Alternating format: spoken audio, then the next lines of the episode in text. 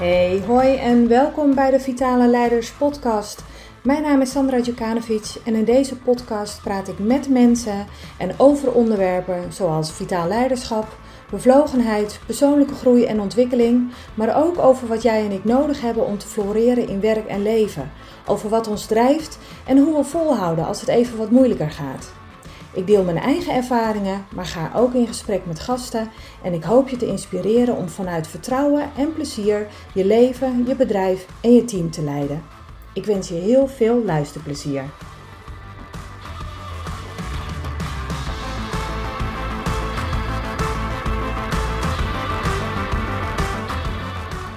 Hartelijk welkom bij uh, deze nieuwe aflevering van de Vitale Leiders Podcast. En vandaag ga ik in gesprek met Paul Bus.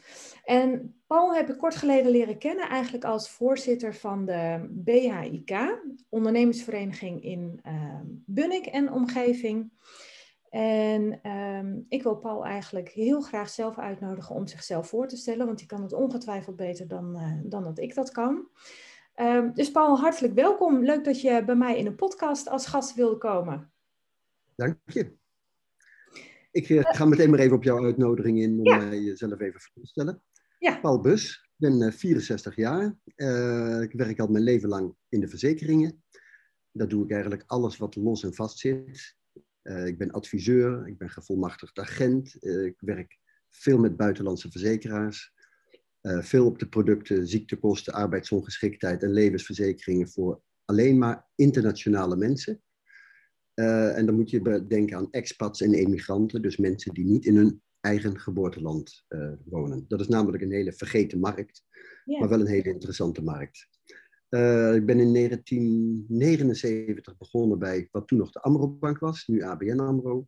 met onderbrengen van verzekeringen die uit het hele land van de ABN AMRO-bank kwamen. En dat onderbrengen op de assurantiebeurzen in Rotterdam en Amsterdam omdat daar, dat ging om risico's die, waar vaak veel meer verzekeraars voor nodig zijn. Ik ben in 1985 gevraagd, of 1982 gevraagd door ABN AMRO Bank om bij een dochteronderneming in Rotterdam te gaan werken. Aan de andere kant van de tafel, zeg maar. Niet meer het onderbrengen, maar juist het accepteren. Dus mm -hmm. met elke makelaar in Nederland zaken doen en dan accepteren voor de verzekeraar waar ik voor werkte. Dat heb ik gedaan in Rotterdam tot 87. Toen hebben ze gevraagd of ik terug wilde komen naar Zwolle, waar ik ook begonnen ben. En waar ik overigens ook geboren ben. Um, om daar leiding te geven aan uh, de brandverzekeringsafdeling. En dat heb ik drie jaar gedaan. En nou, toen was het 1990. En toen ben ik na elf jaar uh, veranderd van werkgever. Toen ben ik bij Sedgwick in Amsterdam gekomen. Dat is een grote internationale makelaar. En dan kwam ik bij een dochteronderneming weer op de Rotterdamse beurs te werken. Uh, dat heb ik drie jaar gedaan. En toen ben ik uh, verhuisd naar de makelaardij. En toen ben ik directeur geworden van um, een onderdeel van de makelaardij wat zich bezighield met overheden. En daar behandelden we eigenlijk alleen gemeenten, gemeentes, provincies, waterschappen, universiteiten. We hadden het hele onderwijs in Nederland verzekerd via gemeentes, maar ook het voortgezet onderwijs. Dat heb ik uh, ook weer een jaar of vier gedaan. En toen ben ik algemeen directeur van de hele makelaardij geworden. Toen had ik 200 man onder me. Uh, en dat heb ik een maand gedaan. En waarom een maand? Omdat ik toen verzeild raakte in, uh, in een heleboel politiek gekonkel. En toen kwam er een nieuwe commissaris. Die nam zijn zoon mee. Zijn zoon kwam op mijn plek te zitten. Ik kom weer terug naar mijn oude baan. Heb ik allemaal niet gedaan. Heb ik geen zin in gehad. En ik ben, ja, dat heet dan in goed onderling overleg met compensatie, laten we maar zeggen, uh, vertrokken. Ja. Ik, ben toen in, ik ben toen in dienst gekomen bij de Goudse Verzekeringen.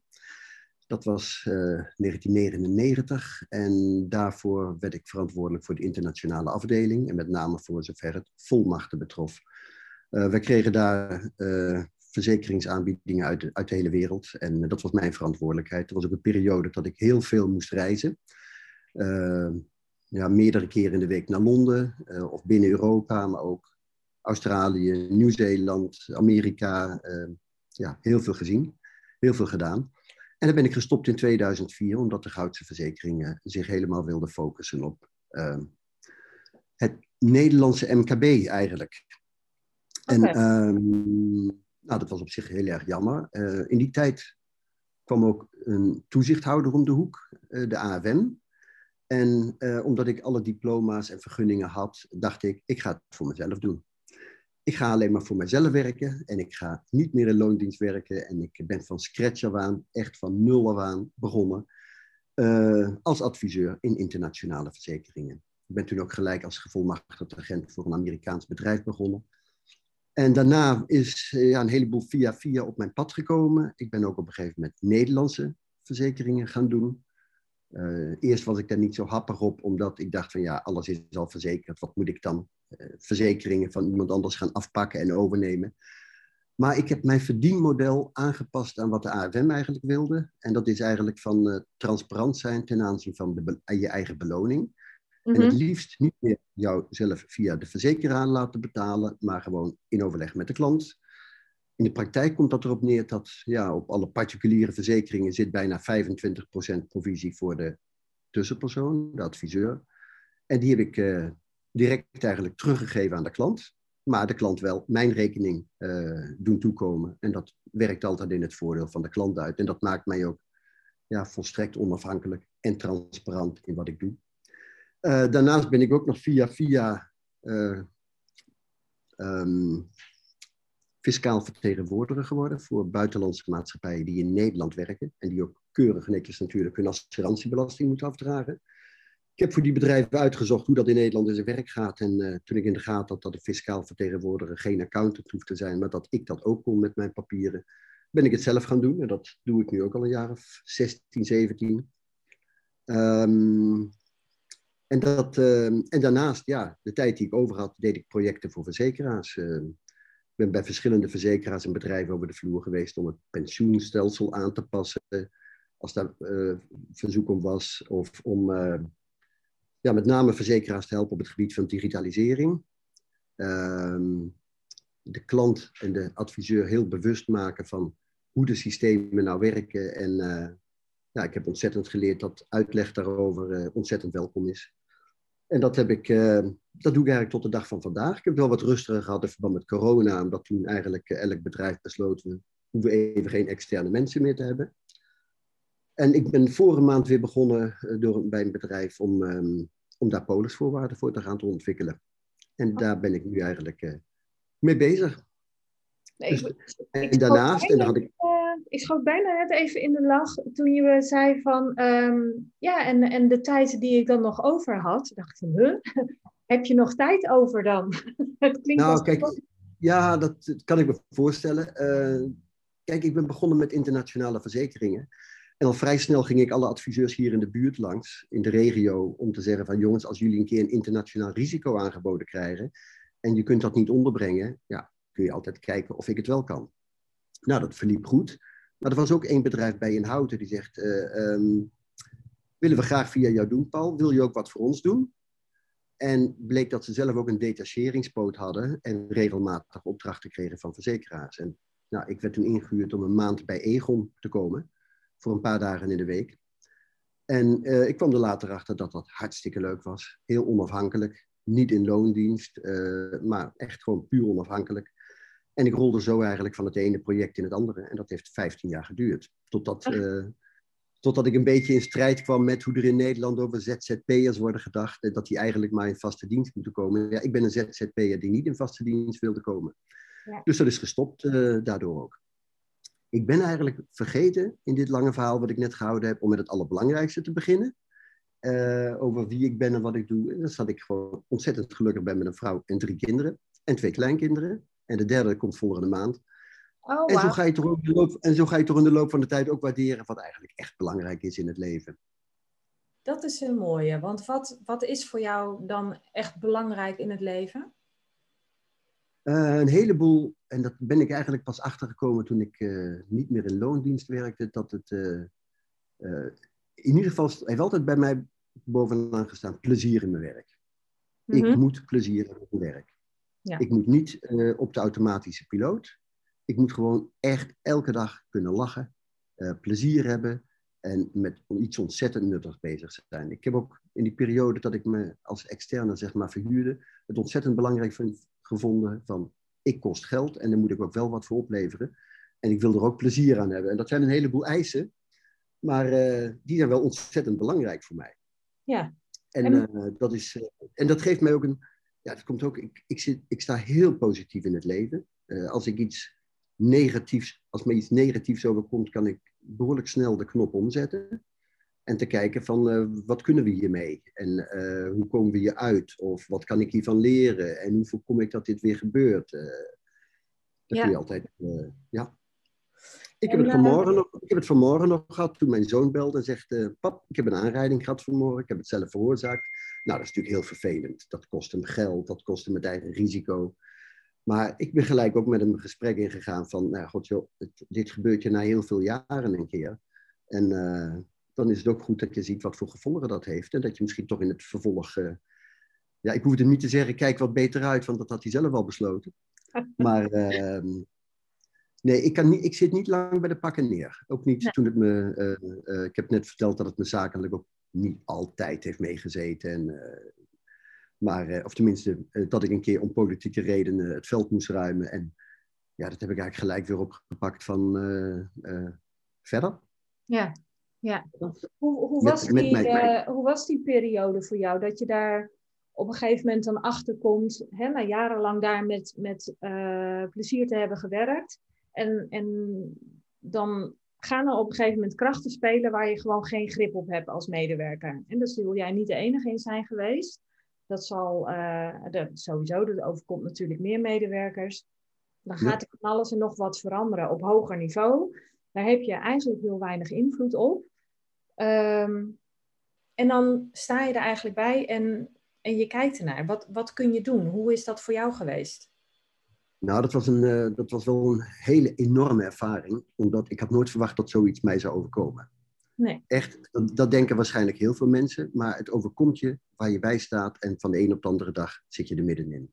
Ja. Uh, en dat betekende ook dat ik ja, voor het eerst van mijn leven naar een advocaat moest gaan. Terwijl ik echt het idee had, nou, ik, ik ben zo loyaal en ik probeer mijn werk zo goed te doen en studies te volgen en, en dergelijke, dat, ik, uh, dat mij dat niet overkomt.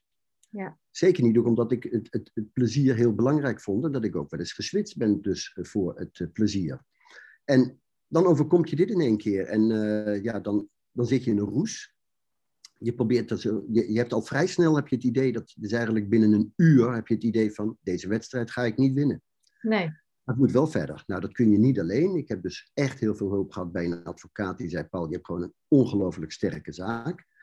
Uh, helaas in dat geval waar ik het over heb, uh, ja, uh, mijn toenmalige werkgever zei na elf jaar: Ja, als jij weg wil, Paul, nou ja, goed, dan kun je nog een maand salaris meekrijgen. Terwijl mijn advocaat eigenlijk dacht: van, nou ja, god, we praten over een paar jaar salaris meekrijgen. Ja, precies. En ik ging toen ook, ja, ik heilig vertrouwen erin en tot de allerlaatste dag, dus een half jaar wel en niet onderhandeld, uh, maar uiteindelijk toch naar de rechter.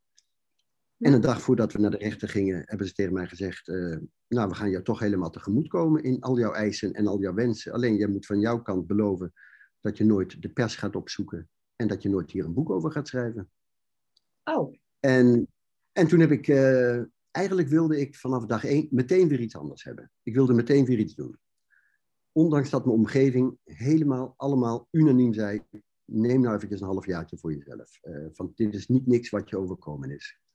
En uh, ik weet nog steeds niet van of dat nou zo gebeurd is omdat ik het, uh, um, omdat het misschien goed voor me was, wat dan ook. Maar ik, het was ook heel moeilijk om in de tussentijd weer iets aan, om aan een baan te komen. Ik was misschien ook best wel kritisch op, op wat ik wilde doen. Eén ding stond bij mij eigenlijk wel voorop, ik, en dat kwam steeds meer ik ga voor mezelf beginnen en ik ga nooit meer aan iemand verantwoording afleggen. Aan mezelf. Ja. Nou, dat begint, dat begint natuurlijk op een gegeven moment een beetje ja, uh, wortel te schieten, dat idee. En um, kwam bij omdat ik, dat ik heb mij altijd wel met studies en vervolgstudies uh, proberen zo bekwaam mogelijk op te stellen. En zo breed mogelijk uh, op te stellen. Uh, en gelukkig had ik dat. Ben ik niet ontslagen terwijl ik zonder een diploma op straat stond. Mhm. Ehm, ik heb wel um, nou, mijn eerste gesprek gevoerd, weet ik nog wel, daarover met mijn vrouw, die al een beetje wist wat voor kant het op ging. Maar toen heb ik ook gezegd van, als we het echt gaan doen, betekent dat nogal wat. Van, het kan ook helemaal mislopen. En toen zij op een gegeven moment zei tegen mij van, Paul, we hebben het altijd uh, samen gedaan en uh, al moeten we drie hoog achter einderen en ons huis verkopen. Uh, we doen het om uh, eerlijk elkaar in de spiegel aan te kijken. En dat je met een eerlijk iets bezig bent. En je bent zo oneerlijk behandeld. Ik kan me voorstellen dat je dat wilt. En toen zijn we gewoon begonnen. Ja. En wow. helpt mij nog steeds. zij helpt mij nog steeds met administratie en dergelijke. En ehm, ja, ik doe dan het, het werk waarvoor ik, waar ik mee bezig ben. En dat, ja, dat zit natuurlijk vooral in mijn kop. Ja. En ehm, ja, ik heb ook daarna nog wel steeds gedacht van, um, ik ben steeds eigenlijk wel bezig geweest met de toekomst van waar ik mee bezig ben. Mm ja. En dat gun ik, ook, gun ik ook iedereen. En dat zou ik ook iedereen, dat heb ik ook in het verleden met heel veel collega's over gehad, als ik constateerde dat zij gewoon van 9 tot 5 aan hun werk gingen. En, uh, en ik ben nooit echt van 9 tot 5 naar mijn werk gegaan. Of ik ben ook nooit van 9 tot 5 aan, aan, het werk. Ik, uh, ik heb het erg belangrijk gevonden om. Kijk, ik ben adviseur. En uh, het meeste geld verdien ik met het zijn van adviseur. Uh, alleen de markt is ontzettend veranderd. Mensen kunnen heel goed hun auto zelf via internet verzekeren of hun huis. Uh, dus het gaat ook om hoe adviesgevoelig zijn bepaalde producten. En dan merk je dat een auto dat eigenlijk al niet meer is. Een auto mhm. verzekeren, maar bijvoorbeeld wel arbeidsongeschiktheid, overlijdensrisicoverzekeringen, pensioenen. Nou, en pensioenen was het enige wat ik nog niet had. En ik ben drie jaar geleden nog een pensioenstudie van twee jaar gaan volgen. Ondanks dat ik uh, ja, steeds dikker in de 60 begin te raken. Ja. Maar al was het alleen maar omdat ik dacht van ja, daar ligt een hele adviesmarkt braak. Dat mocht een keer uh, mijn business omlaag gaan, dan uh, is dat een mooie focus om te hebben. Ja. En ik ben nu verdomd blij dat ik dat gedaan heb. Want ik heb ook nog niet het idee. Ik geloof dat ik begrepen heb dat ik op 1 maart even kijken hoor, 1 maart 2024 met de AOW gaan. Maar ik ga nu, ik ga als mijn gezondheid het toelaat, ga ik helemaal niet met de AOW. Ja, ik zal het wel ontvangen. Maar ik ga gewoon door. Alleen niet meer op de schaal waarop ik het nu doe. Hè? Wat je net zei van uh, hoe doe je dit erbij, hoe doe je dat erbij. Dat is ook een kwestie van ja, uh, aandacht verleggen. Als ik bij een verzekeraar projecten doe voor drie dagen in de week, kan ik drie, jaar niet, drie dagen niet adviseur zijn ook. Dus ik kan niks aan acquisitie doen in die tijd. Ja, dat zijn keuzes die je moet maken. Ja. Uh, wat dat betreft ben ik in die 17 jaar nooit een supergrote adviseur geworden. Uh, ik heb altijd bewust gekozen voor, het is een eenmansbedrijf en het blijft een eenmansbedrijf. Ik heb nooit behoefte gehad aan, aan personeel. Oké. Okay. Uh, Waarom niet? Daar heb ik verschillende. Ja, um, om een paar redenen niet. Uh, het belangrijkste is, ik verkoop niks ik heb niks iets wat, ik, wat zomaar een ander ook kan doen. Uh, wat ik doe, heb ik opgebouwd met, uh, ja, met veel kennis en studie en dat zit in mijn kop. Ja. Uh, plus de eigen wijzigheid, hè, wat ik net heb gezegd. Ik ben een van de weinigen die er een ander verdienmodel op nahoudt, omdat ik dat eerlijker vind. en dat betekent dat als je met personeel gaat werken, dat je die exact zo zou moeten krijgen. Plus dat ik, ik wilde me focussen alleen maar op de klant. En niet op het zo groot mogelijk worden van mijn bedrijf. Dat kwam ook door de late leeftijd waarop ik voor mezelf ben begonnen. Ja. En ik had ook eerlijk gezegd helemaal geen zin om iemand aan te nemen en in één keer ook werkgever te worden. En dus ook uh, uh, contracten op te moeten stellen. Want dat zou mij alleen maar weghouden bij mijn klanten vandaan. Ja. Ehm, ik denk dat als ik nu 25, 26 was geweest, dan was, had ik hele andere ambities gehad. Ja? Maar, Wat zouden die ambities dan zijn geweest? Was je dan ook dan, dan, begonnen? nou, dan zou ik. Uh, kijk, je leert elke dag. en ik leer ook nog steeds elke dag. Maar dan zou ik inderdaad hebben uh, geambieerd om een wat groter kantoor te hebben, ja. Ja, oké. Ja. ja, en dan, dan... Maar ik heb ook de andere kant gezien. Hè. Kijk, ik heb, ik heb altijd leiding. Ik heb tussen 1982 en 2004 ook altijd leiding gegeven. En zelfs de laatste jaren zoveel dat ik geen klant meer zag. En dat ik dus niet meer voor mijn idee met mijn vak bezig was. Ik was de hele dag aan het managen, zeg maar ja. als manager bezig. En uh, dat is, heb ik altijd als heel leuk ervaren, maar niet voor fulltime. Nee. Want dat zou ja, mij... Dat, uh, dat, is, dat is iets wat je natuurlijk best wel vaak ziet gebeuren binnen, binnen organisaties. Op een gegeven moment zit men als expert, zeg maar, in het vakgebied natuurlijk aan een soort van plafond. En dan wordt er een beetje zo uh, ja, gereageerd, ja, we moeten toch wat met deze medewerker, want hij is zo loyaal, doet zijn werk zo goed, zit hier al zo lang, maar salaristechnisch of functioneel niet echt meer uh, een groei realiseren. Nou, weet je wat dan een goed idee is? Laten we hem dan ehm, leidinggevende maken of manager maken. Waarbij je natuurlijk uit het daadwerkelijke vakgerichte proces uitstapt en veel meer dat ja, moet letten op het overzicht, mensen moet aansturen. Ehm, dus dan word je als vakidioot, zeg maar, uit, daaruit gehaald. Ehm, terwijl je natuurlijk wel heel veel uh, kennis op dat vakgebied hebt. Dus er ontstaat... Je hebt, helemaal, je hebt helemaal gelijk. Je hebt helemaal gelijk. Dit, dit, is, uh, dit is ook... Uh, kijk, ik kom uit het tijdperk dat ik leiding ging geven van... de beste boekhouder wordt chef van de financiële afdeling, bij wijze van spreken. ja? Precies eigenlijk wat jij zegt. En dat was bij mij ook het geval. Maar het is wel ook dat je instapt in iets heel anders.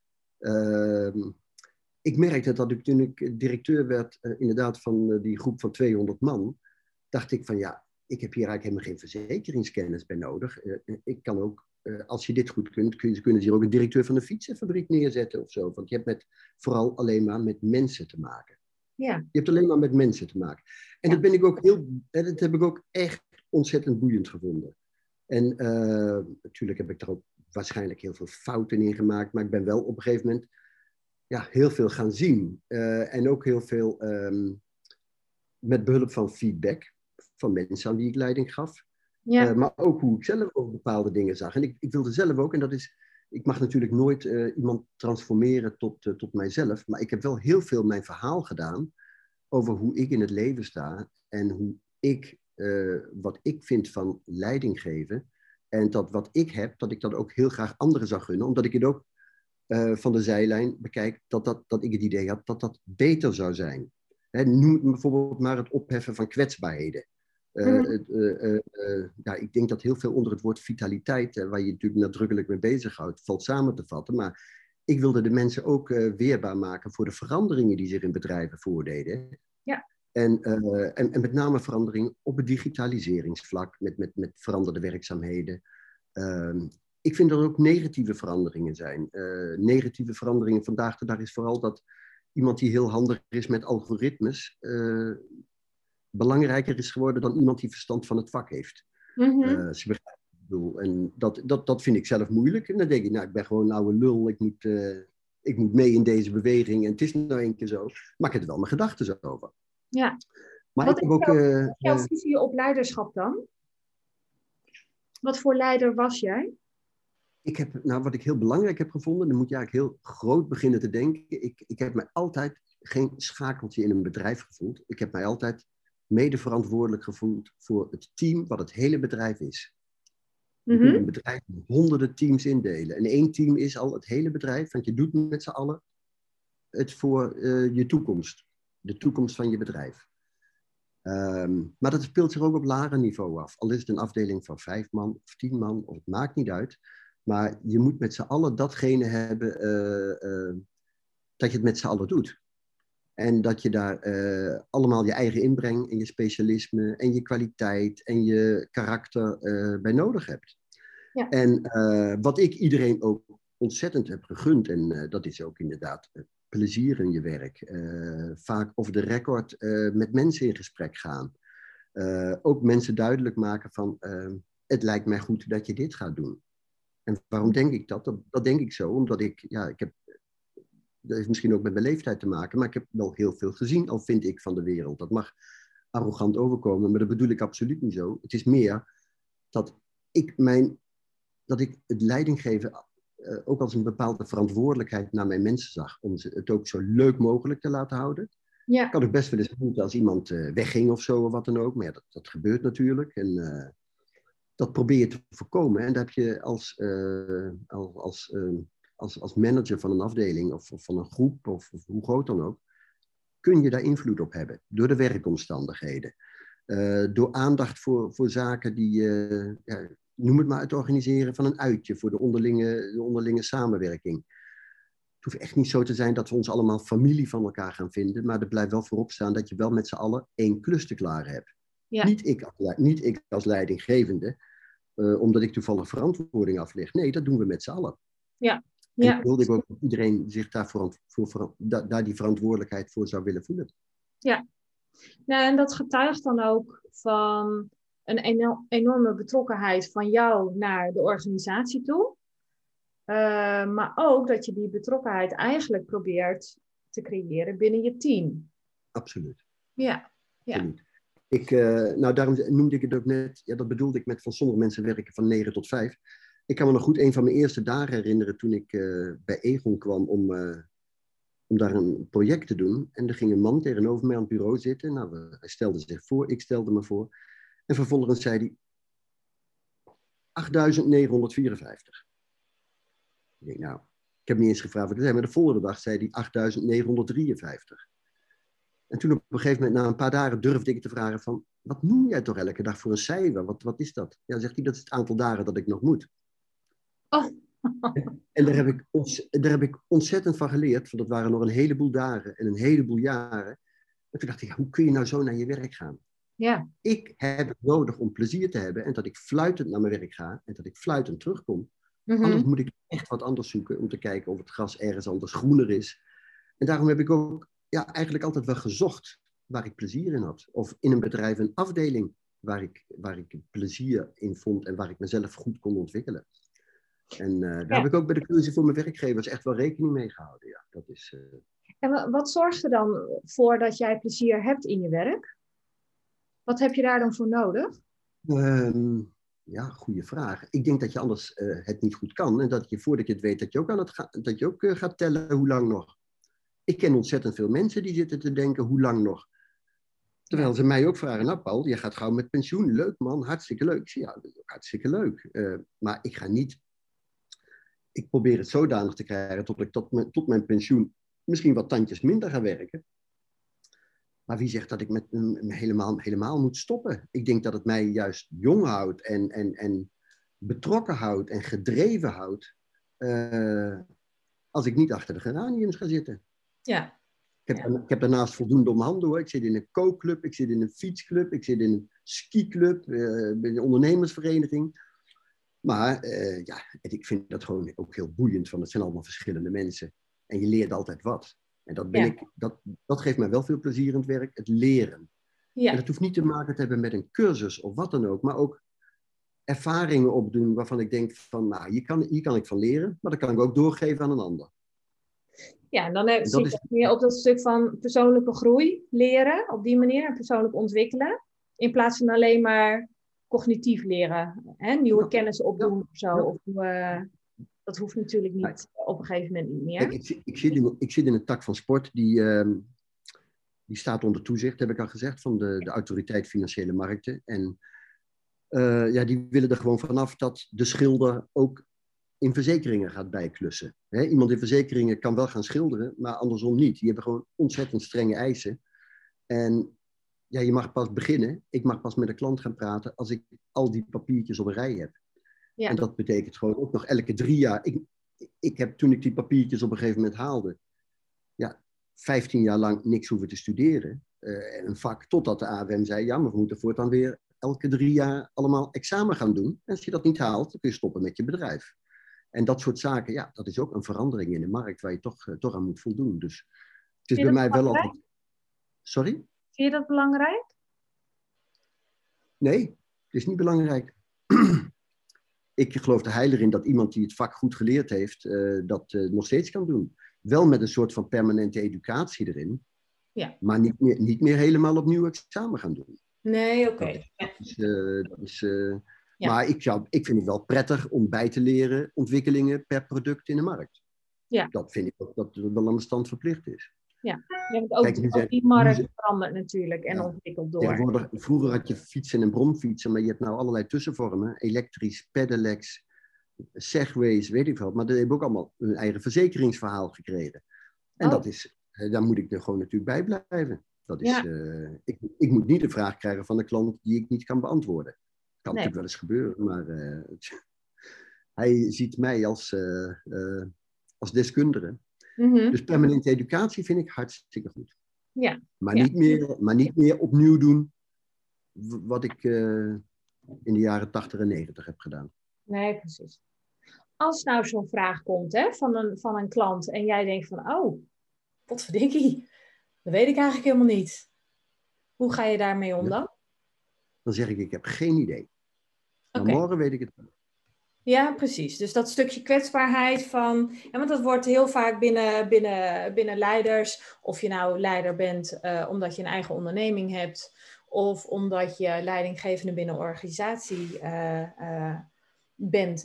Dat maakt eigenlijk helemaal niet zoveel uit. Maar wat ik merk is dat men daar best wel een stukje schroom voor heeft. Om, om dat nou ja, ik ben toch leider, dus ik moet, dat, ik moet dat weten. Ik behoor dat te weten. Dus die voelen zich heel ongemakkelijk bij uh, als ze bepaalde vragen niet kunnen beantwoorden of iets dergelijks, of iets niet weten.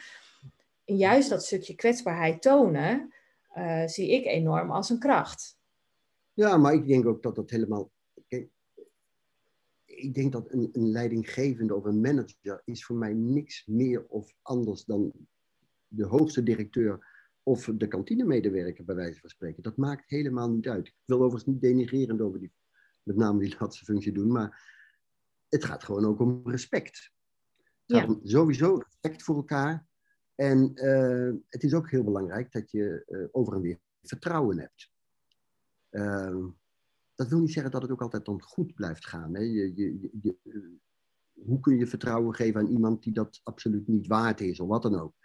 Ik heb ook wel eens een keer van iemand afscheid moeten nemen, omdat het voor hem en voor het bedrijf beter was uh, om uh, iets anders te zoeken. Ja. Maar het gaat in principe, is vertrouwen bij leidinggeven heel belangrijk, over en weer. Maar dat betekent niet dat een, een leidinggevende alles maar weet en, en, en dat kan doen. Dus waarom zou ik me niet kwetsbaar opstellen? Ja. Ik, denk Dat het juist door, ik denk dat het juist door je collega's aan wie je leiding geeft veel meer gewaardeerd wordt. Ja, precies. Maar je moet, op, je moet op een gegeven moment natuurlijk wel met de antwoorden komen. wat ik net ook zei, als ik bij een klant zit en die zou mij overvallen met een bepaalde vraag.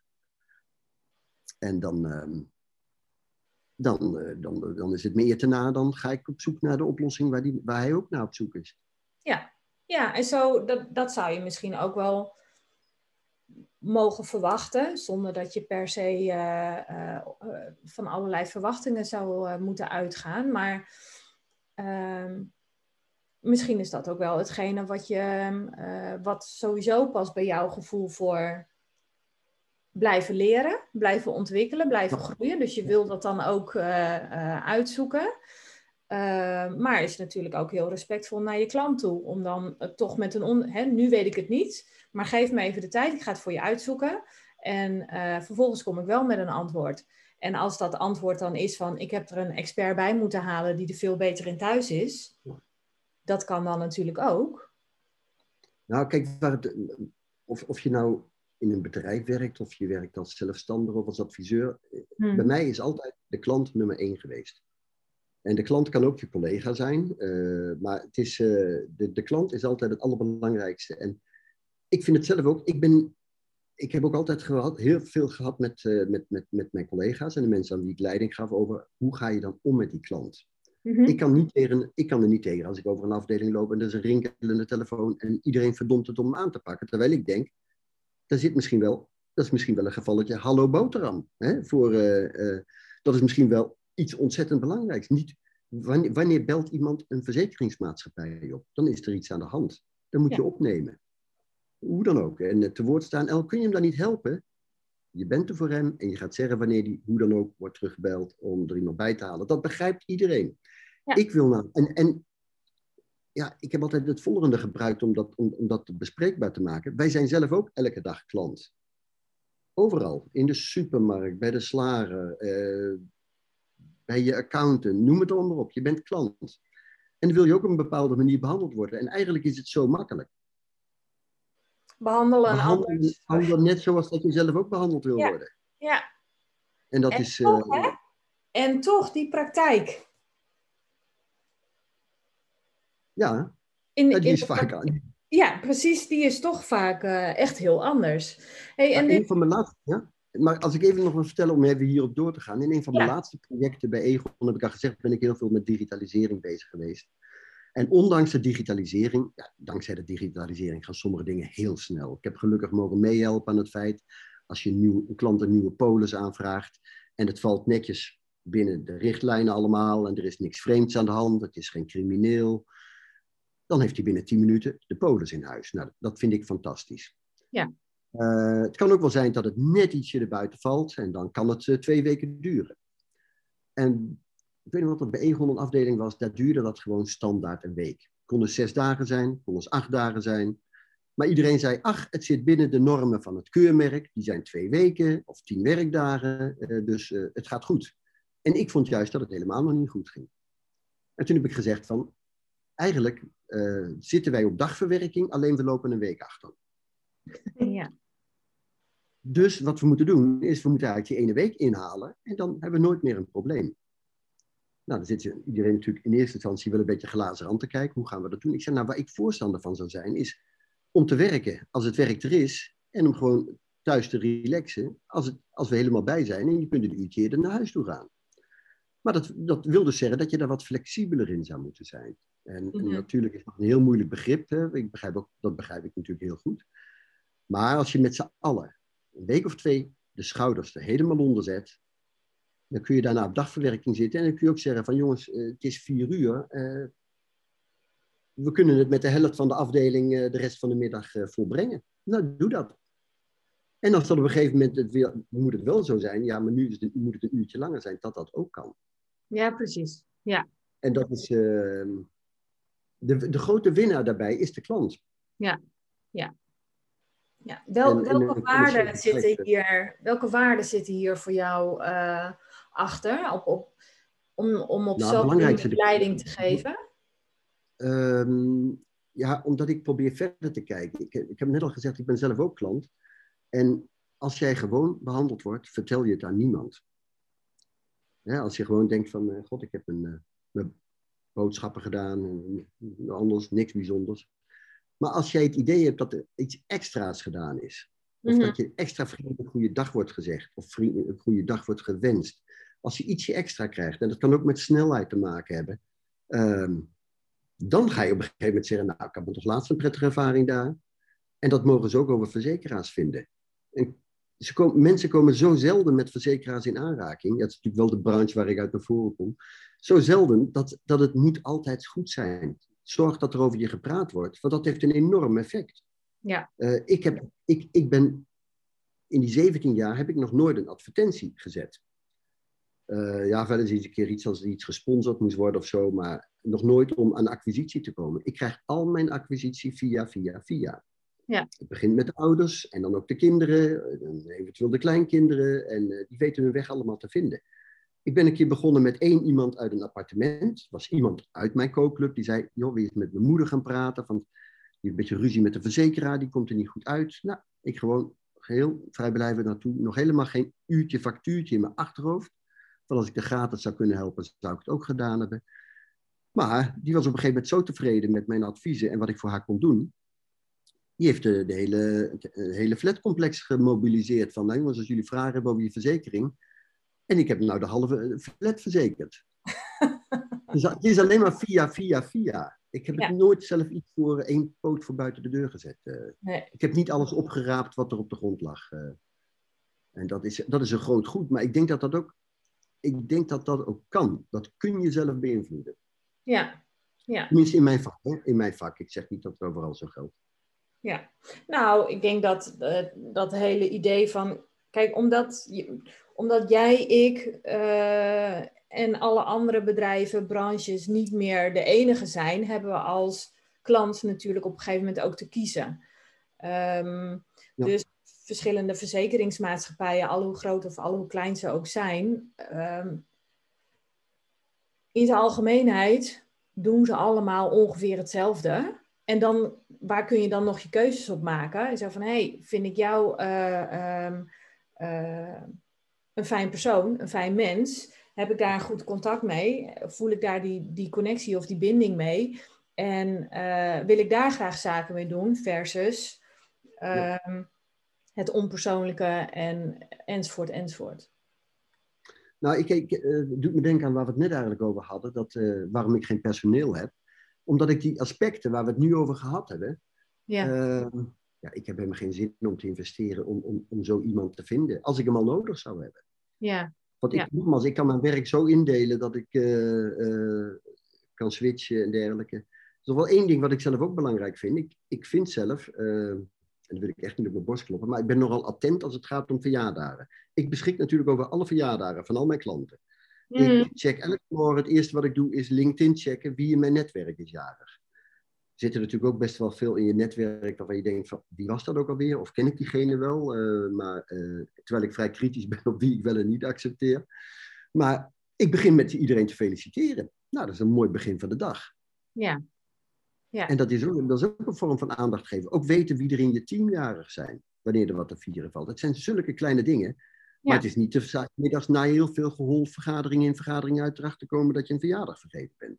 Nee, dus, nee. Ja. Een beetje, beetje gênant en dat komt helaas toch nog gewoon vrij geregeld voor, inderdaad. Ja hoor. Ja. ja, ja. Hey, en, maar het, is, het, is, het, zijn wel de dingen die ik echt zelf heel belangrijk vind. Uh, um, Eén ding wat nog niet het geval is, is het woord aandacht in combinatie met leiding geven. Ja. Uh, kijk, ik heb natuurlijk als externe geen leiding gegeven, maar ik heb wel heel veel hè, op mijn niveau coachend opgetreden.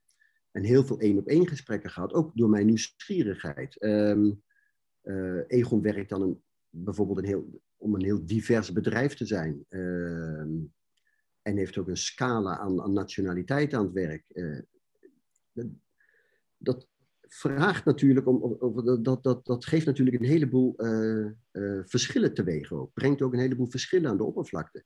Daar ben ik nieuwsgierig naar. Ik ben gewoon, als ik iemand zag met een hoofddoekje en ik had ook met diegene te maken, dan zei ik ook van, uh, dan wilde ik dat ook weten. Mm waarom, waarom en, en hoe zit dat? En hoe kijk je daar tegenaan? En hoe ga je hiermee om? Omdat ik er ook gewoon in geïnteresseerd ben. Ja. Ja. Ik zou dolgraag willen weten waarom. Uh, ja, kijk, wij plakken in, zeker in de loop van de tijd zijn wij als Nederlanders ook behoorlijk wat stempels op gaan plakken.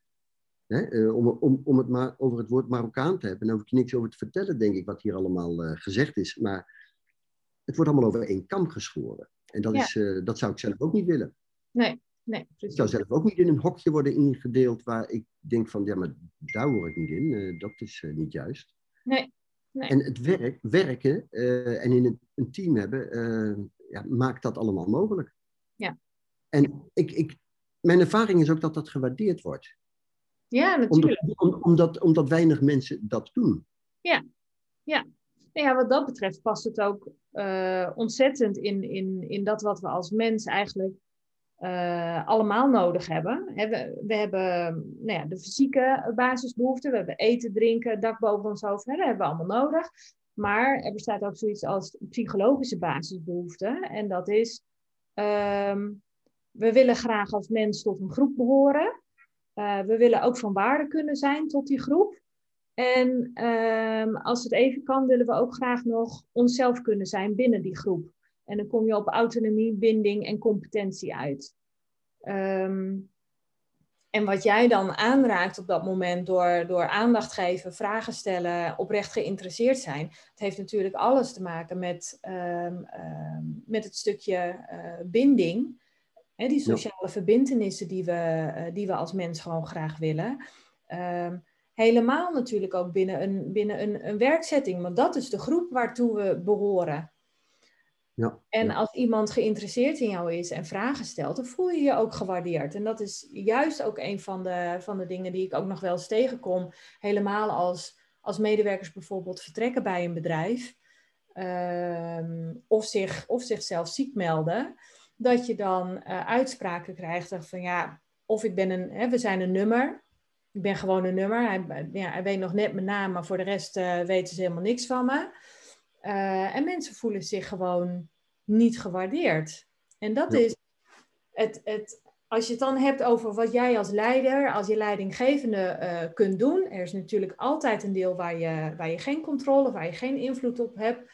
Maar er is ook een heel groot gedeelte waar je dat wel op hebt ook als het gaat om verzuim en verloop binnen je organisatie, pak dat dan. Want door jouw manier van aandacht geven en die interesse tonen, inspelen op die natuurlijke behoeftes, kun je wel degelijk sleutelen aan dat um, verzuim en verloop binnen, binnen je team. En dan gaat het. Dat hoop ik. Ik heb dat, dat hoop ik. Ik, hoop, ik, ik heb dat niet zo kunnen meten. Ik heb het ook zelf, zelf gelukkig nog nooit aan de lijve ondervonden hoe het is. Ehm, ik heb wel uh, ooit mensen gesproken, met name toen uh, tijd op de assurantiebeurs.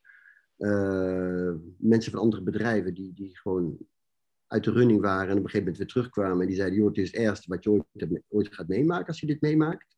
Ze een flinke burn-out hadden. Ja. Ehm, en het, lijkt mij verschrikkelijk. Ik, ik kan er alleen helemaal um, moeilijk iets over zeggen, omdat ik dat zelf niet ervaren heb. En, en, en, en misschien zou ik me ook moeten afvragen waarom heb ik dat nooit ervaren. Maar ik denk, misschien heeft dat ook wel te maken gehad met mijn instelling en hoe ik in het leven sta. En, en dat is misschien heel erg makkelijk gezegd nu, maar uh, ik denk wel dat dat bij helpt. Uh, met, name het proberen, met name proberen het onafhankelijk te zijn. Ja. Uh, en dat is. Uh, ik denk dat het. En dan kom ik toch weer terug op het plezier. Ehm, ik heb, tuurlijk heb ik ontzettend veel omheen gezien dat mensen dat veel minder hadden. Of dat het. Of, of dat je. Eh, ik heb ook wel eens discussies opgewekt omdat ik in de gaten had. Wat wordt hier op de afdeling vaak negatief over het bedrijf gesproken? Mm los, van waar ik toen werkte, maar het komt in elk bedrijf natuurlijk voor. Ja. Ik kan altijd mateloos aan kunnen irriteren, want je hebt een keuze. Maar je moet ook wel voor jezelf zorgen dat je die keuze kunt gaan maken. Ja. ja. Als jij nooit uh, ook maar iets doet om aan je eigen toekomst te werken, ja, dan moet je ook niet verwachten dat de werkgevers massaal op jouw deur gaan kloppen. Uh, je moet je proberen te onderscheiden, je moet ergens proberen goed in te worden. Uh, en, en, en, en je dus openstellen voor meerdere mogelijkheden. En alsjeblieft, ga nooit lopen zeuren of wat dan ook. Uh, het helpt niet uh, om alleen maar kritisch te doen. Niet denken dat het gras altijd overal groener is, want dat is niet zo. Maar je kunt wel zelf op een gegeven moment uh, voor jezelf er goed mee omgaan. En als je het inderdaad naar je zin hebt, ja, ik zou zeggen, stel je ervoor open. Zorg dat je je dusdanig ontwikkeld hebt of kunt gaan ontwikkelen om, om iets anders te gaan doen. Ja, ja. Ik denk dat ja, en dat, overal dat kan. vraagt natuurlijk ook een, een stukje uh, vaardigheden die bij iemand dan ontwikkeld uh, dienen te zijn om, om dat soort stappen ook te kunnen zetten. En voor sommige mensen is het inderdaad heel moeilijk om dat, om dat stukje persoonlijk leiderschap dan uh, te pakken. Um, als ik jou zo beluister, lijkt het bij jou alsof dat van nature ook al een stukje erin zit. Nou, is ook gegroeid hoor. En ja, ja, en natuurlijk. En, de, en daarna uh, um, heb je dat natuurlijk ook weten, weten door te ontwikkelen en dergelijke. Ja. ja. Wat is voor jou het grootste um, verschil tussen uh, in loondienst uh, hebben gewerkt en, en, en nu als, als zelfstandige? Nou, het heeft ook nadelen. Ja. Ik heb het ook altijd vreselijk gezellig gehad. We hebben ook altijd echt vreselijke, gezellige dingen gedaan. Uh, ik heb toevallig morgen een reunie en ik heb woensdag een reunie, omdat dat gelukkig nog wel steeds plaatsvindt. Maar, en ik heb nog heel veel contacten sowieso met de bedrijven waar ik gewerkt heb. Maar um, ik mis die dagelijkse collega's wel. De mhm. dagelijkse humor, het dagelijkse met een project bezig zijn met z'n allen en het tot een succes maken. Uh, dat mis ik wel, dat doe ik nu in mijn eentje. Uh, er staat ook veel tegenover hoor. Wat ik, uh, nu is zo van ja, als ik hard werk, dan gaat het me hartstikke goed. Doe ik niks, dan verdien ik niks. Ja, zo simpel is het. Ja. Uh, maar ik ben wel, ik heb wel ook in het coronajaar geleerd dat het leven ook wel wat relaxter kan, ja. ja. kijk, bij mij ging de wekker 15 jaar lang gewoon om kwart voor zes morgens. En ik werkte van zeven tot vijf. En, en s'avonds nog een beetje met mijn eigen portefeuille aan het klussen. Uh, en in het weekend. En dat heb ik nooit erg gevonden. Maar uh, ik merk nu wel dat als je de dag gewoon uh, wat rustiger begint. Ik ben altijd nog wel vroeg opstaanderig. Maar als je wat rustiger begint. Ja, wat meer tijd neemt voor de krant. En wat meer tijd voor af en toe een boek. Eh, of wat ontspanning. Dat bevalt me eigenlijk ook wel prima. Dus mijn vrouw heeft het al een beetje over. Het zal wel een beetje als prepensioen voelen op dit moment. Ja, nou misschien, misschien is dat ook wel zo, ja. Ja, samen dat kopje koffie doen. Dat gebeurt af en toe, ja. Ja, ja. ja. Leg jij de lat hoog voor jezelf? Als ik terugkijk, denk ik dat ik hem wel eens hoog heb gelegd, ja.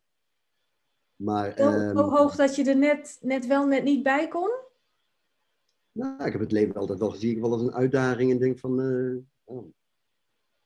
ik weet nog wat dat ik voor de eerste keer kon leid, ging leiding geven. Dat was in 1982 of zo. Dat ik dacht van, oh, dat is wel heel erg spannend en dergelijke. Maar ja, ik, gewoon onbevangen naartoe te gaan en uh, onbevangen erin. En uh, natuurlijk heb, ik, heb je daar ook veel fouten in gemaakt en wat dan ook. Eh, maar ik heb wel heel veel geleerd, ja.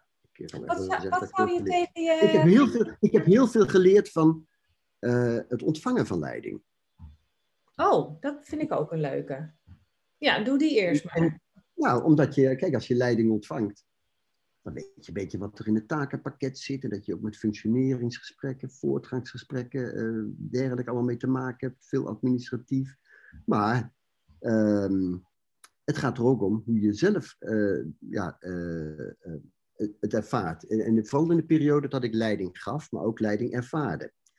En um, ik heb net ook een keer gezegd ergens in het gesprek hoe ik tegen een bedrijf aan kijk als, als één team. Dus nooit alle medewerkers van, van de Rabobank is ook één team. Mm en, en dan al die onderverdelingen, lokaal op afdelingen. En, en daar geloof ik heilig in. En dat, dat is wel eens, uh, vind ik wel eens heel erg moeilijk. Uh, ik heb wel eens af en toe andere ideeën hoe het zou moeten gaan binnen bedrijven. Ja, dat, ja. ja. Ook waar ik, zeker, zeker waar ik gewerkt heb, dat ik denk van ja, die, die, is gewoon niet. Ja.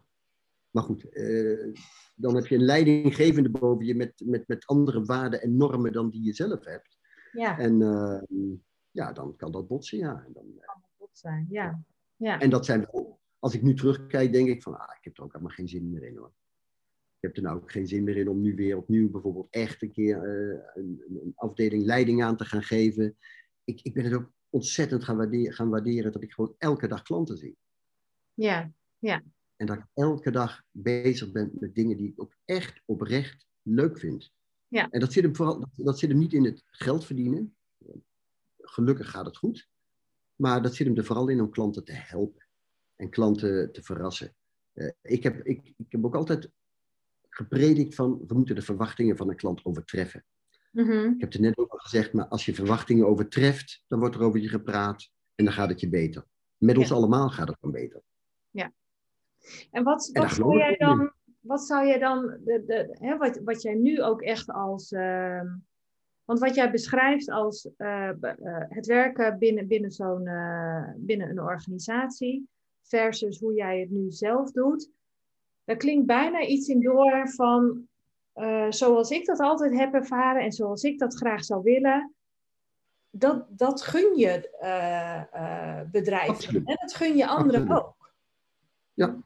Maar je hebt dan weer, hè, dan kan het natuurlijk voorkomen dat je inderdaad tegen die leidinggevende boven je weer aanloopt, die weer verschillend denkt over, nou ja, over leiding geven, over waarden en normen en dergelijke. Dus dat botst dan.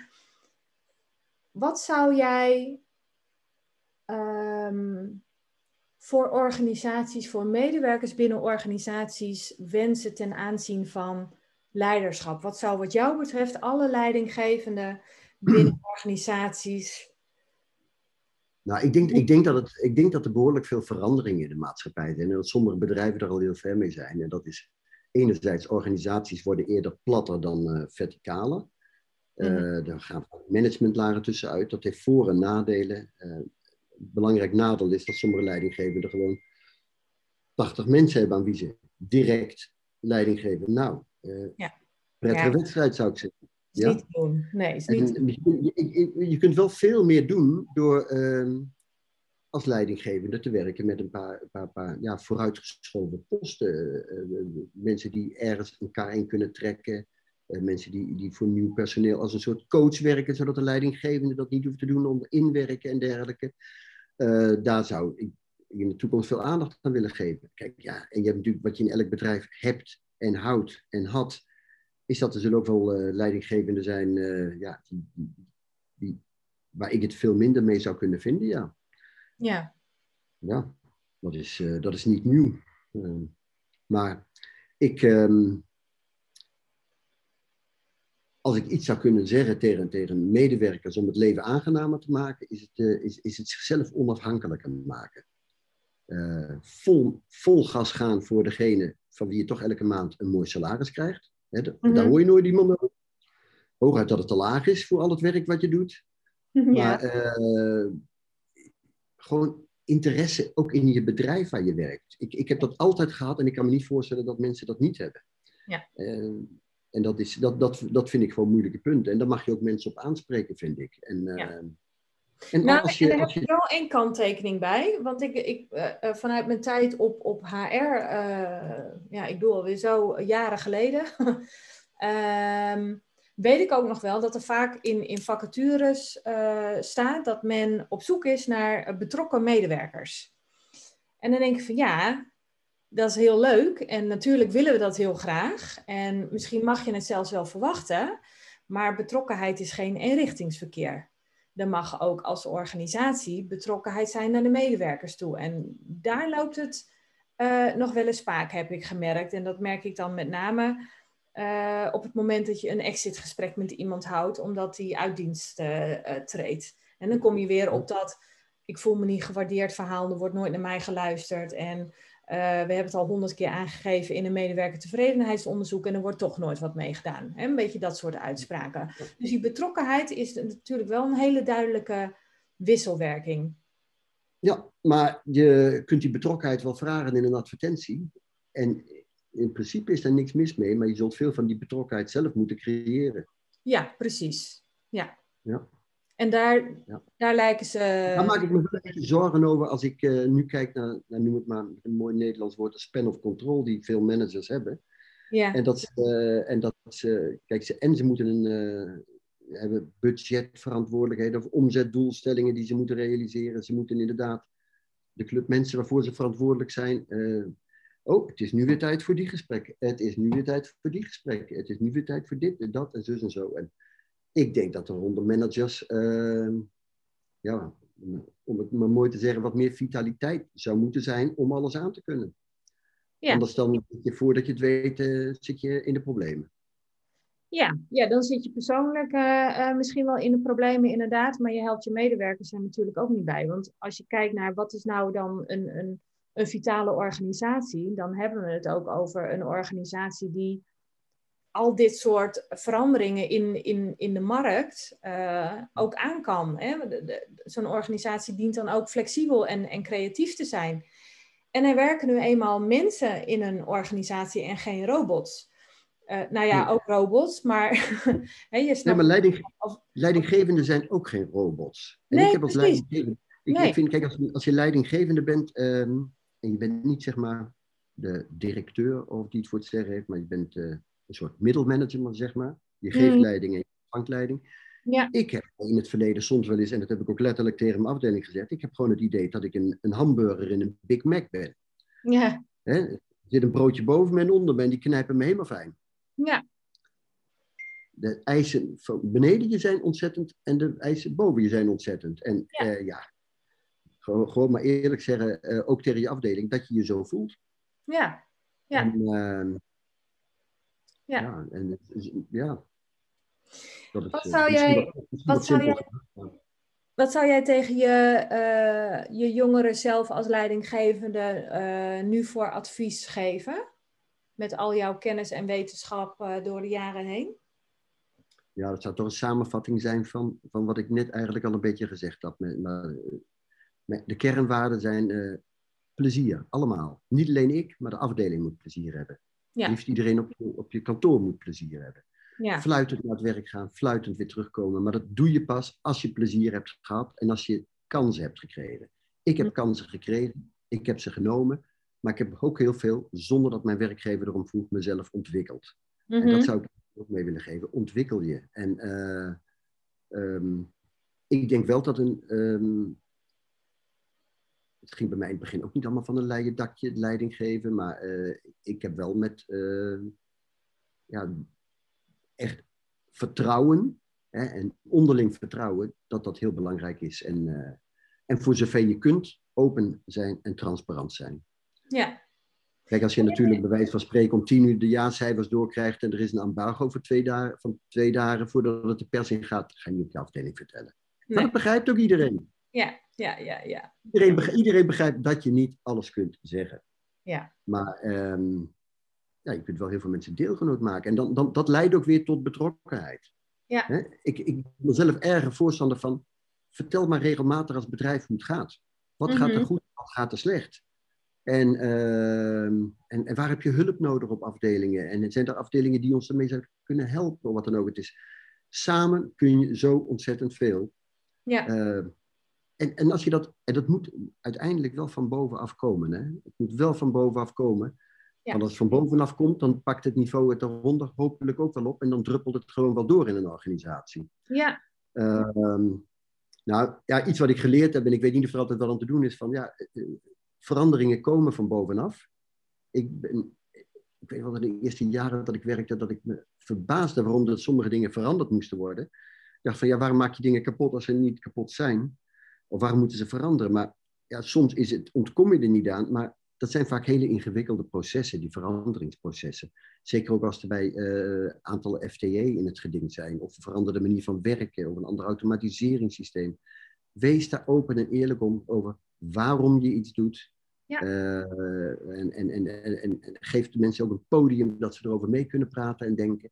Dat verhoogt de betrokkenheid. Ja. Maar het zal wel allemaal van bovenaf moeten komen. Ja, ja, maar van bovenaf wordt natuurlijk ook, ik bedoel, ze zitten niet voor niks uh, bovenaf. Die leggen eigenlijk gewoon de lijnen ook neer uh, hoe zo'n organisatie dan, uh, dan te werk gaat. En, en leggen eigenlijk ook een, een, een cultuur neer ja. van leiderschap. Maar dat, en vervolgens rolt dat natuurlijk ja. uit naar beneden. Ja. Schiet me nog één ding te binnen. Daar heb ik toevallig hebben we daar het weekend heb ik daar nog met, uh, met, uh, met mijn zoon over gehad. En dat was, ik heb een keer een, een, een cursus, een leergang bedrijfskunde gevolgd in de jaren negentig. Ook met uh, onder leiding van een psychoanalist, een hele goeie, die, ja, die met jou eigenlijk. Die, hij vroeg aan mij op een gegeven moment van Paul, je bent nou directeur en, en welke periode in je leven is het belangrijkste geweest? Ik zei nou, ik denk de laatste vier jaar. Hij zegt, waarom denk je de laatste vier jaar? Uh, ik zeg nou, dat ik de laatste vier jaar, denk ik, ja, mezelf behoorlijk ontwikkeld heb, uh, waardoor ik nu deze functie heb. Hij zegt, ik denk het niet. Ik denk meer aan de eerste vier jaar. Toen dacht ik ook echt van, oh, god, dit, worden, dit, worden, dit worden een paar zware weken. Ja. Maar die, deze man heeft me één ding geleerd, uh, en dat zit nog regelmatig bij me. Het gaat niet altijd om wat je kunt, het gaat erom wie je bent. Ja. En dat is bijna gewoon een beetje een uh, lijfspreuk van me geworden, die ik heel regelmatig uit de kast haal, omdat het ook echt zo is. Ja, helemaal eens. Ja, en dat gaat over, en daarom vraag ik ook naar, uh, naar, naar dat waardeverhaal. Hè, um, Wie ben je en hoe vertaal je dat dan vervolgens ook naar jouw manier van, uh, van leiding geven? Hoe zijpelt dat dan door? ja. ja. ja. Is er voor jou een, een, een leidinggevende, als je er eh, van al die jaren, of, of van al dat hele lijstje aan leidinggevenden wat je misschien ooit uh, gehad hebt, is er eentje die er ten positieve uitspringt, dat je denkt van nou, daar, als ik één moet noemen, dan is dat een bepalende leidinggevende voor mij geweest? Ja, dat was, uh, ik heb er heel veel gehad en ook heel veel goede gelukkig. Maar er is een keer een directeur geweest bij ABN AMRO Bank, in Zwolle, assurantie, en die kwam van buiten. En daar heb ik ongelooflijk veel van geleerd. En dat was, wat is het uh, belangrijkste wat je van hem hebt geleerd? Um, het traditionele wat wij in ons werk hadden. En dus ik ook. Hè, van ik heb geleerd van andere mensen. Het traditionele wat wij hadden. En wat hij er eigenlijk uh, op een fantastische manier uh, uit heeft gekregen. Um, ik behandelde bijvoorbeeld uh, het onderbrengen van brandverzekeringen. Nou, daar heb je van alles voor nodig. Een aanvraagformulier, je gaat verzekeraars bellen, noem het allemaal maar op. Je gaat onderhandelen over de premie. En hij zei toen, vanaf komende maandag gaan wij eens uh, experimenteren met uh, dat iedereen een halve dag een collega naast zich krijgt. Maar van een hele andere afdeling. En die gaat gewoon eens kritisch kijken hoe jij je werk doet.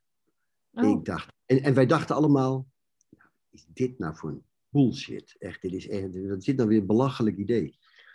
Dus ik kreeg, laten we zeggen, een autoschadebehandelaar naast me, die van mijn werk geen verstand had en ik niet van het werk van hem.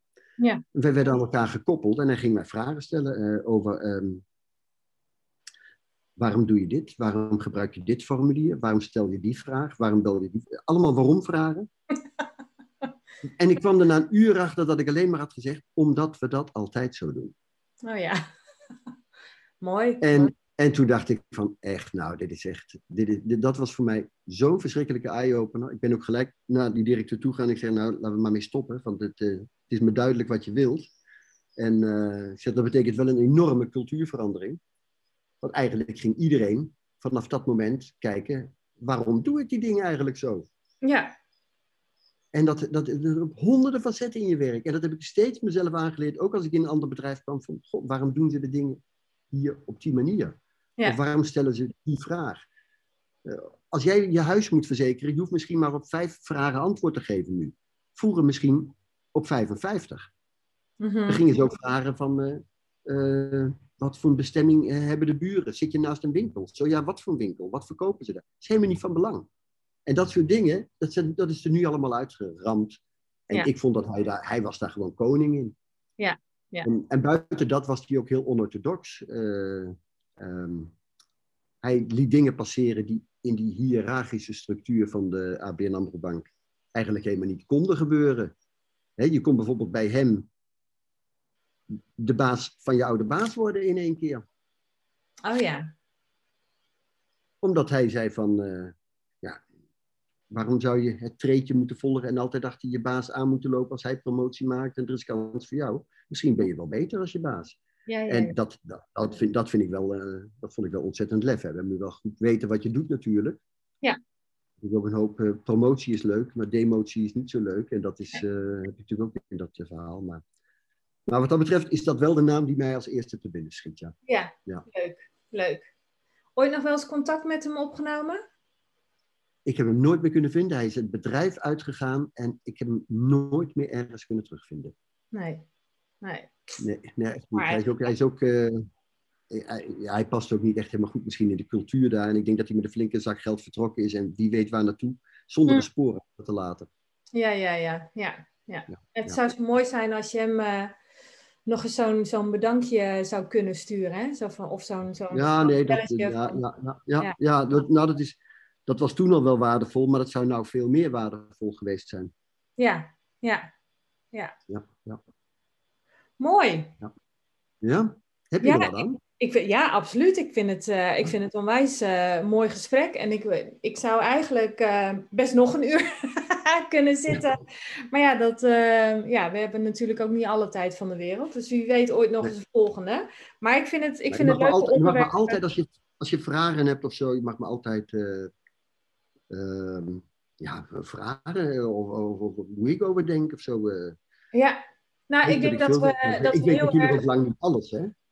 Nee, maar ik denk dat we heel erg die gedeelde nieuwsgierigheid ook hebben naar uh, de beweegredenen van mensen. En, en waarom doe je het zus, waarom doe je het zo? Um, en van daaruit, ik laat me ook graag leiden door, uh, door mijn nieuwsgierigheid. Dus um, um, ik zit bijna nooit om vragen verlegen. En dat, ja. ja dat, dat maakt ook leuke gesprekken. Okay, dus ja, ik vond, dat zeker, ik vond dat zeker een leuk gesprek. En uh, ja, ik, nogmaals, ik had van tevoren dus bewust de podcast niet geluisterd. En ik, ik, ben wel, ik heb wel een beetje nagedacht over leiderschap. Ja. En over ja, hoe je daar ook ja, geestelijk en, en, fysiek zo gezond mogelijk mee om kunt gaan. En, en, en, en wat het goede is. En het komt er toch bij na dat, dat, je, dat je gewoon je stinkende best doet om het, om, om het gewoon goed te doen. Goed te doen ja. voor je mensen vooral ook goed voor jezelf. Ja. En ook goed voor het bedrijf. En dat, uh, ik, ik geloof daarin namelijk. Hè. Ja. Ik geloof er heel diep in dat, het, dat, dat dat zou kunnen werken en dat dat zou kunnen lukken. Uh, maar ja, hoe groter het bedrijf, hoe moeilijker dat zal worden. Ja. Hoe grote bedrijven juist in sommige opzichten ongelooflijk ver kunnen zijn. Uh, omdat ze gewoon ruksigloos een maatregel kunnen nemen die heel goed is en die in kleine bedrijven niet zo gauw genomen zou worden. Nee, Nee, en ook al is het bedrijf heel groot, dan nog kun jij uh, met jouw manier van leiding geven en jij als leider kunt toch uh, jouw deel doorgeven aan, aan de mensen die je dan in je team hebt. Dus dan heb je niet een klein voor... dat stuk wat jij voor je team kunt doen. Ja, om een klein voorbeeldje te noemen en dan sluiten we daar het gesprek maar mee af. Maar um, ik heb bij Egon ervaren dat um, daar is op een gegeven moment bewust gekozen voor mannen zijn belangrijk, vrouwen zijn belangrijk, diversiteit is belangrijk. Uh, verschillende culturen is belangrijk. We willen een afspiegeling zijn van de samenleving. En dat is gewoon gebeurd. Mhm. En dat is gewoon in elk opzicht gebeurd. Ja. En uh, ook, ook als het ging om valide, minder valide mensen, het is gewoon gebeurd. Ja. Heb je nou een bedrijf dat van... waarde.